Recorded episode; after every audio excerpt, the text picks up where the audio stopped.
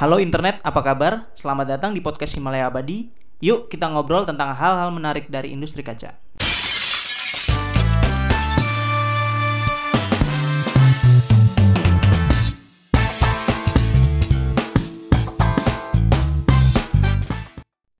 Halo internet, apa kabar semua? Kembali lagi di podcast Himalaya Abadi bersama saya, host tercinta. Ya. saya Wilson dan rekan saya. Dan saya Okta. Di podcast ini kita akan banyak membahas mengenai hal-hal menarik dari industri kaca. Betul sekali. Jadi Nah, kemarin kita mm-mm. sudah membahas ya mengenai perbedaan kaca dan cermin. Betul. Nah di episode kali ini kira-kira apa lagi nih yang mau kita bahas? Tapi sebelum kita membahas yang episode kali ini, kita mau sharing informasi dulu bahwa eh, buat kalian yang belum nonton episode 1 bisa cek di Spotify atau di YouTube. Oke. Dan ini akan kita upload juga ke YouTube kan? Iya betul. Betul, kita betul, akan betul. selalu upload ini juga di YouTube dan juga Spotify. Oke, jadi eh, pada episode kali ini kita mau membahas mitos-mitos pada kaca tempered. Mitos-mitos pada kaca tempered. Wah, ini kayak hal-hal berbau klinik nih seperti Kl- klinik apa sih, mitos-mitos. klinik? Klinik itu misteri gitu. Misteri atau misteri sama mistis sama gak sih? Iya ya, hampir-hampir sama. Mistis-mistis Iya. gitu ya. Nah, sebenarnya kaca tempered itu eh apa sih? Ya, Mungkin jadi- banyak pendengar yang belum tahu nih kaca tempered. Mungkin banyak yang tahu, sering dengar. Tapi sebenarnya esensinya apa sih kaca tempered itu? Nah ini kita buka Wikipedia nih. Kita punya dosen, Wikipedia Sensei. Wikipedia berkata bahwa tempered glass itu adalah sinonimnya dengan toughened glass. Ta- Toughen diperkuat ya. Adalah sejenis kaca yang diproses dengan thermal sehingga meningkatkan strength dibandingkan dengan kaca normal. Jadi eh, proses tempering ini bisa dilakukan dengan secara chemical ataupun secara eh, konveksi ataupun secara radiasi. Jadi panasnya itu bisa diserap oleh kaca tersebut. Dan ini kalau kita cek di eh, Wikipedia, temperatur yang akan eh, ditembakkan ke dalam kaca tersebut di sekitar 564 derajat Celcius sampai 620 derajat Celcius. Wuh, panas banget itu. Tapi kenapa nggak kaca itu nggak balik lagi jadi meleleh ya kalau dipanasin gitu? Eh, karena eh, mungkin ilustrasinya ya eh, bisa dibilang kayak kalau misalnya tuh nonton film Witcher kan. Heeh. Nah, itu kan eh, ada pedang tuh. Iya. Ibaratnya kalau kita lagi nempa besi, Iya. kan mesti dipanasin dulu sampai besinya berubah jadi warna merah kan. Oke. Nah, setelah itu kan dicelupin ke minyak ya biasanya kan. Langsung dingin tuh. Atau air gitu lah ya. Bukan minyak ya? Air dong harusnya. Biar dia ya, langsung ya dingin. itulah intinya. Jadi dari panas yang tinggi terus langsung di cooling down eh, di suhu yang rendah sehingga dia eh, langsung memperkuat molekul dari eh, pedang tersebut. Berarti fokus atau key utamanya itu didinginkan secara mendadak ya setelah dipanaskan ya. Untuk mendapatkan atau membuat materi itu menjadi lebih kuat. Ya tapi tentunya dengan spesifikasi mesin yang appropriate ya, bukan kayak sembarangan didinginin gitu aja gitu loh. Oke. Jadi eh, ada proses panas sama proses dingin.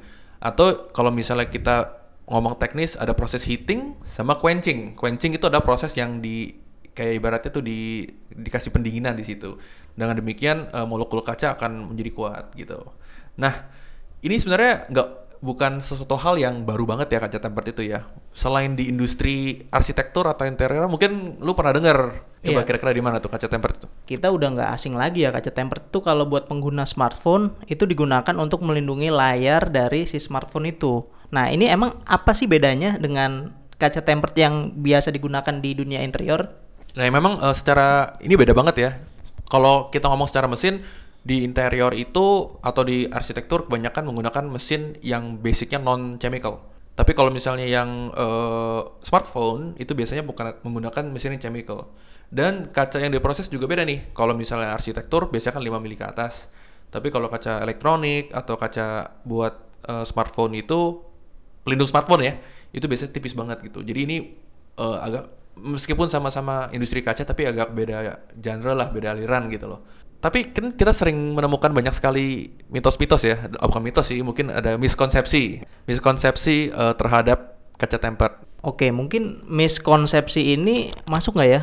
Jadi banyak banget orang yang bertanya ke Himalaya Abadi, kamu jual nggak kaca tempered? Kamu jual nggak kaca tempered? Sebenarnya eh, ada bedanya nggak sih kaca tempered ini dengan jenis kaca-kaca lainnya? Kok Iya. seolah-olah jadi kayak sebuah jenis kaca si kaca tempered ini? Gitu. Memang sih tak. Jadi kan kemarin juga kita sering pameran atau ketemu klien kita, terus kita uh, share jenis-jenis kaca kita kan ada kaca pattern, kaca tekstur, extra clear uh, dan lain-lainnya. Terus pertanyaan yang sering kita dapat adalah ini tempered bukan? Gitu kan ya? Iya. Nah itu kan eh, adalah sebuah miskonsepsi kalau berdasarkan definisi yang barusan kita jelaskan. Jadi eh, mungkin ya kalau kita analisa lebih lanjut lagi di pikiran mereka kaca tempered dan kaca bukan tempered itu adalah kaca yang eh, memiliki bahan baku yang berbeda. Seakan-akan seperti itu kan ya. Jadi ada kaca yang grade tempered, ada kaca yang grade non tempered gitu dengan bahan baku yang berbeda. Nah ini adalah kesalahan yang paling sering kita temukan eh, sehari-hari. Jadi kalau berdasarkan definisi yang tadi, kaca tempered itu bukan jenis kaca yang berbeda. Eh sorry, maksudnya bukan menggunakan raw material yang berbeda. Tapi kaca tempered adalah kaca yang sudah diproses lebih lanjut dengan proses thermal tadi. Jadi sebenarnya ini adalah eh, sebuah kaca yang sama. Jadi kalau kaca udah di tempered, eh jadi kalau kaca tempered itu eh, raw material kaca, kemudian diproses tambahan sehingga dia berubah menjadi kaca tempered. Ya jadi eh, kaca yang sebelum diproses tempered itu kita biasa sebut dengan kaca annealed. Pak. Dengan spellingnya A N N E A L E D annealed. Nah, kalau untuk kacanya sendiri ada nggak sih spesifikasi khusus nih jenis kaca bisa ditempered atau semua kaca bisa ditempered? Nah, jadi kan kita balik dengan menggunakan tekno- eh, terminologi annealed ya. Nah, sebelum ditempering semuanya kan annealed. Ya dong, baik itu cermin ataupun kaca polos, kaca kristal dan lain sebagainya, semuanya masih annealed kan. Nah, pertanyaannya adalah apakah semua jenis kaca annealed ini bisa menjadi kaca tempered dengan proses thermal tersebut? Begitu kan? Iya, betul. Nah, jawabannya balik lagi nih, kita mesti cek temperatur berapa sih yang membuat kaca ini yang annealed ini akan berubah menjadi kaca tempered. Nah, tadi kita sudah mention di situ sekitar 560 sampai 620 derajat Celcius. Jadi kita mesti cek kaca-kaca tersebut apakah eh, bisa tahan di suhu tersebut.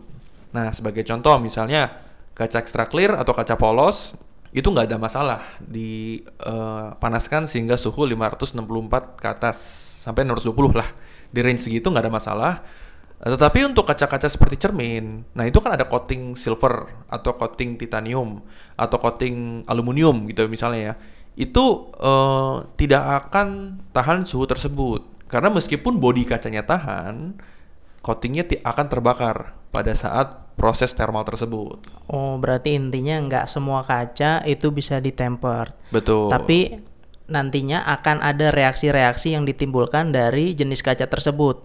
Tadi seperti yang udah dimention kayak mirror itu akan meleleh coatingnya. Mungkin kayak Bukan meleleh kebakar Iya, kebakar. ya apa pun itulah Iya. mungkin rusak intinya kan rusak.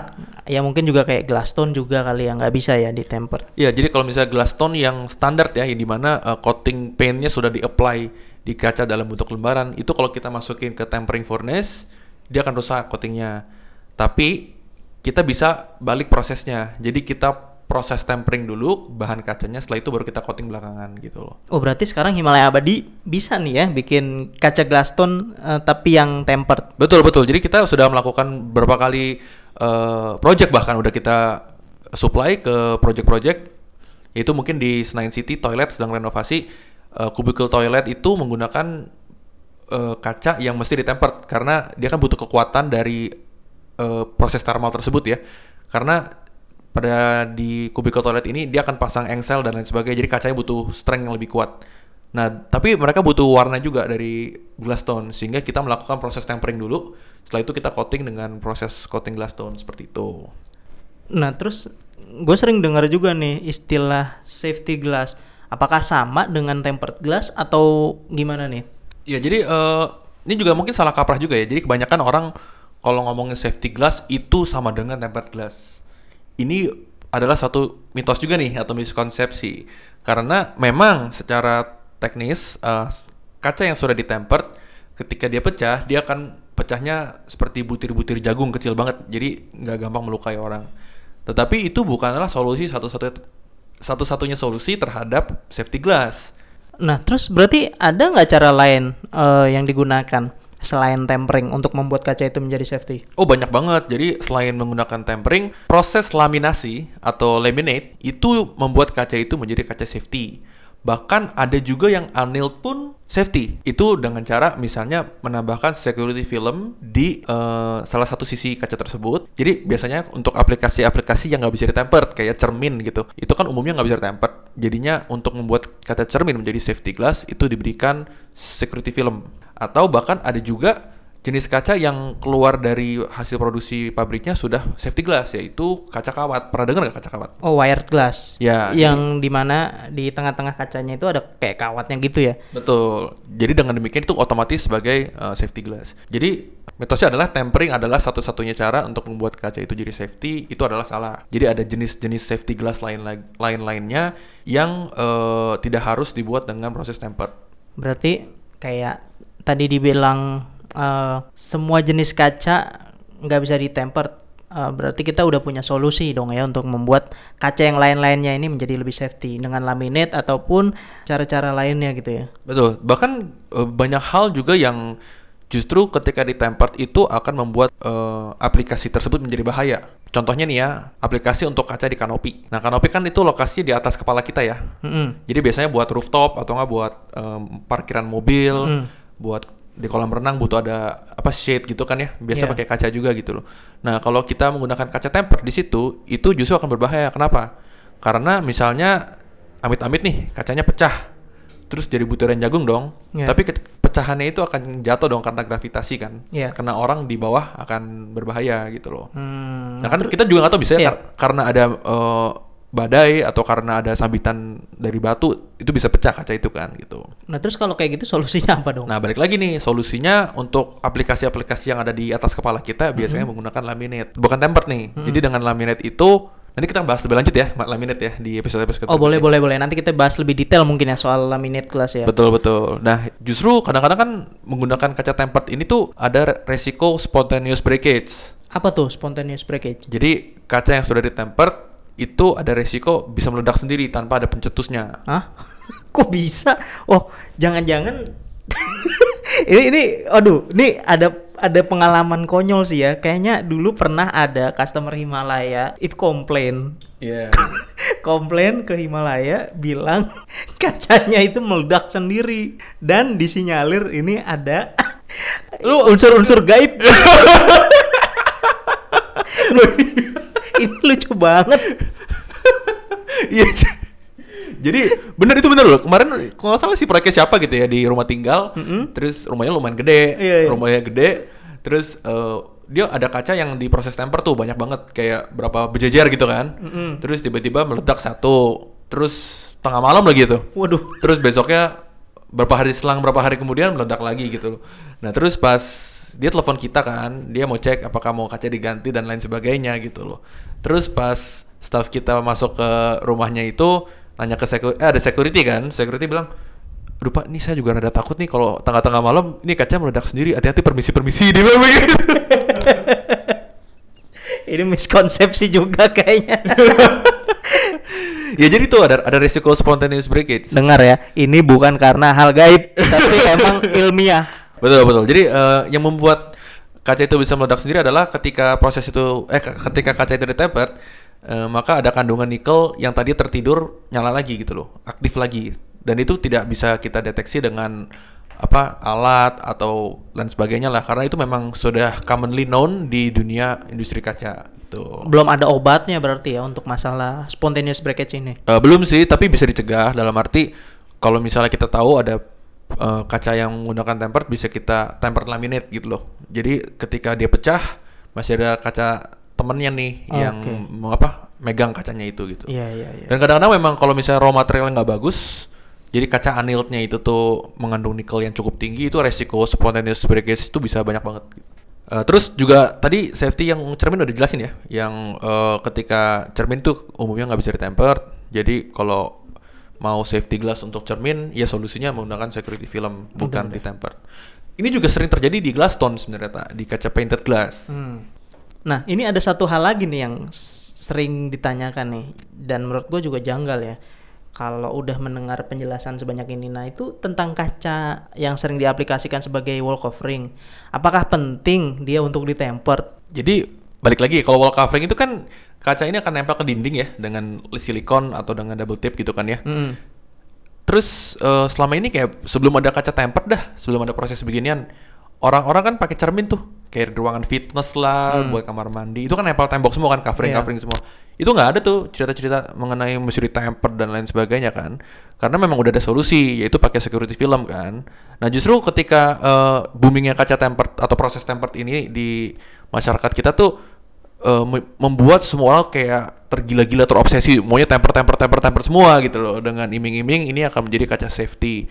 Padahal justru itu yang tadi lu bilang memang beneran janggal tak jadi kenapa janggal jadi kalau kaca untuk wall covering itu kan kita butuh eh, permukaan yang smooth ya atau flatnessnya tinggi kan Iya.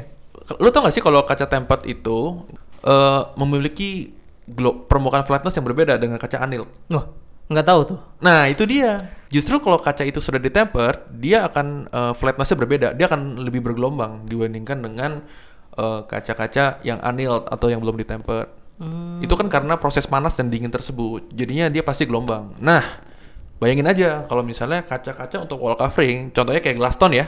Glass tone itu kan biasa kan dipasang di deretan tembok yang cukup panjang ya mungkin 10 meter, 20 meter buat lorong, buat lobby-lobby. Nah itu kan kalau misalnya itu kita tempering semua, secara teknis ya bisa-bisa aja. Kan udah dijelasin tadi tuh ya, seperti konsepnya mirip-mirip kayak kubikel toilet.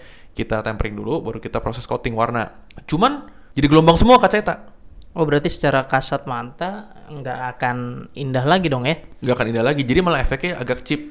Kalau gelombang-gelombang itu jadi kesan pakai akrilik tau nggak? Jadi kan eh, harusnya kalau untuk men-maintain safety glass terhadap aplikasi pattern glass, eh pattern glass sorry, painted glass itu lebih baik menggunakan eh, security film. Jadi flatness tetap ada, tapi safety glass juga gitu. Nah, terus biasanya untuk aplikasi apa dong si kaca ini ditempered? Ya, jadi eh, berdasarkan eh, definisi tadi kan eh, udah tahu ya bahwa eh, dengan melakukan proses tempering ini kaca ini akan menambah kekuatan. Jadi menambah kekuatan, fleksibilitas, daya tahan terhadap bentur dan lain sebagainya. Jadi sebenarnya tujuan dibuatnya proses tempering ini untuk menunjang hal-hal seperti itu tak. Biasanya apa sih kira-kira ya? Kalau misalnya sehari-hari deh yang lu butuhkan kaca itu kuat. Nah, itu buat aplikasi apa kurang lebih? Kalau misalnya lu bisa analisa gitu. Mungkin buat pintu? Betul. Jadi gue jelasin dulu nih. Kenapa di pintu butuh eh, kaca yang ditemper, terutama pintu-pintu frameless ya. Karena si fitting-fitting atau aksesoris engsel dan lain sebagainya itu kan langsung nempel ke body pintunya dong, ke kaca itu kan. Iya. Nah, makanya dia tuh butuh proses tempering untuk memperkuat dan menambah fleksibilitas terhadap gerakan-gerakan pintu. Nah, itu otomatis butuh kaca temper. Berarti kalau dia nggak ditempered, kemungkinan dia akan gampang pecah ya? Ya, jadi nggak lama buka-buka dikit pecah gitu. oke. Atau mungkin juga kayak biasa kan sering tuh railing-railing frameless yang menggunakan pin-pin, Iya. ya kan? Nah, itu juga kalau misalnya itu kan kalau nggak ditempered nanti eh, beban si pinnya eh beban si kaca itu kan akan ketahan terus sama si pin kan. Mm-mm. Lama-lama akan retak dari situ. Sedangkan kalau ditempered dia nambah kekuatan, nambah fleksibilitas, jadi gak, gak gampang pecah gitu. Oke. Nah, atau bahkan kayak eh, partisi-partisi eh, glass to glass untuk office ya, yang biasa tuh frameless, karena dia nggak ada frame aluminium atau frame besi, jadi eh, butuh kekuatan menopang dirinya sendiri. Nah, itu butuh tempered. Nah, jadi biasanya kita harus arahkan eh, proses yang tepat untuk arah yang tepat gitu. Jadi nggak sembarang bisa bisa bisa. Jadi semuanya kan kita juga punya tanggung jawab moral ya terhadap eh, uang customer yang di spend gitu loh. Betul. Jadi ya jangan semuanya disodorin dengan kaca tempered ya. Ya meskipun banyak hal sekarang udah bisa ditempered. Jadi kayak cermin itu eh, kita udah develop cermin yang bisa ditempered gitu kan. Oh ya? Iya, itu kita sebut dengan Miromax Titanium Plus. Di situ coatingnya sudah bisa tahan suhu di atas 500 600 derajat Celcius. Tapi aplikasinya balik lagi eh, nggak mungkin lah orang butuh cermin ditempered kita sengaja kasih Miromax Titanium Plus kan. Hmm. Biasanya kita emang targetkan aplikasi-aplikasi seperti railing eh, yang menggunakan cermin atau enggak kubikel toilet yang menggunakan efek cermin seperti itu. Berarti nih kalian udah nggak boleh salah kaprah lagi nih harusnya setelah dengar podcast ini tentang kaca tempered nih. Iya, jadi eh, sebenarnya ini kita santai-santai aja ya dalam arti silakan kalau misalnya ada yang mau komen atau bertanya lebih lanjut atau mungkin memberikan sedikit-sedikit koreksi terhadap kita punya podcast silakan iya. juga. Kita open terima semua cacian juga. Atau bahkan ada yang mau ikut ngobrol bersama kita di sini di dalam podcast, monggo Kalau ada yang mau silakan. ngobrol berkolaborasi di podcast ini hubungi Ya. mana nih? Ya mungkin bisa ke sosmednya Himalaya Abadi atau bisa langsung cek di www.himalayaabadi.com. Sosmednya Himalaya Abadi kalau di Instagram itu @himalaya_abadi ya, nyambung semua. Iya. Ataupun di Facebook, di YouTube juga kita ada channelnya Himalaya Abadi. Jadi kalian bisa akses lewat mana aja. Jadi sekian pembahasan kita mengenai mitos-mitos kaca tempered. Sampai jumpa di episode selanjutnya.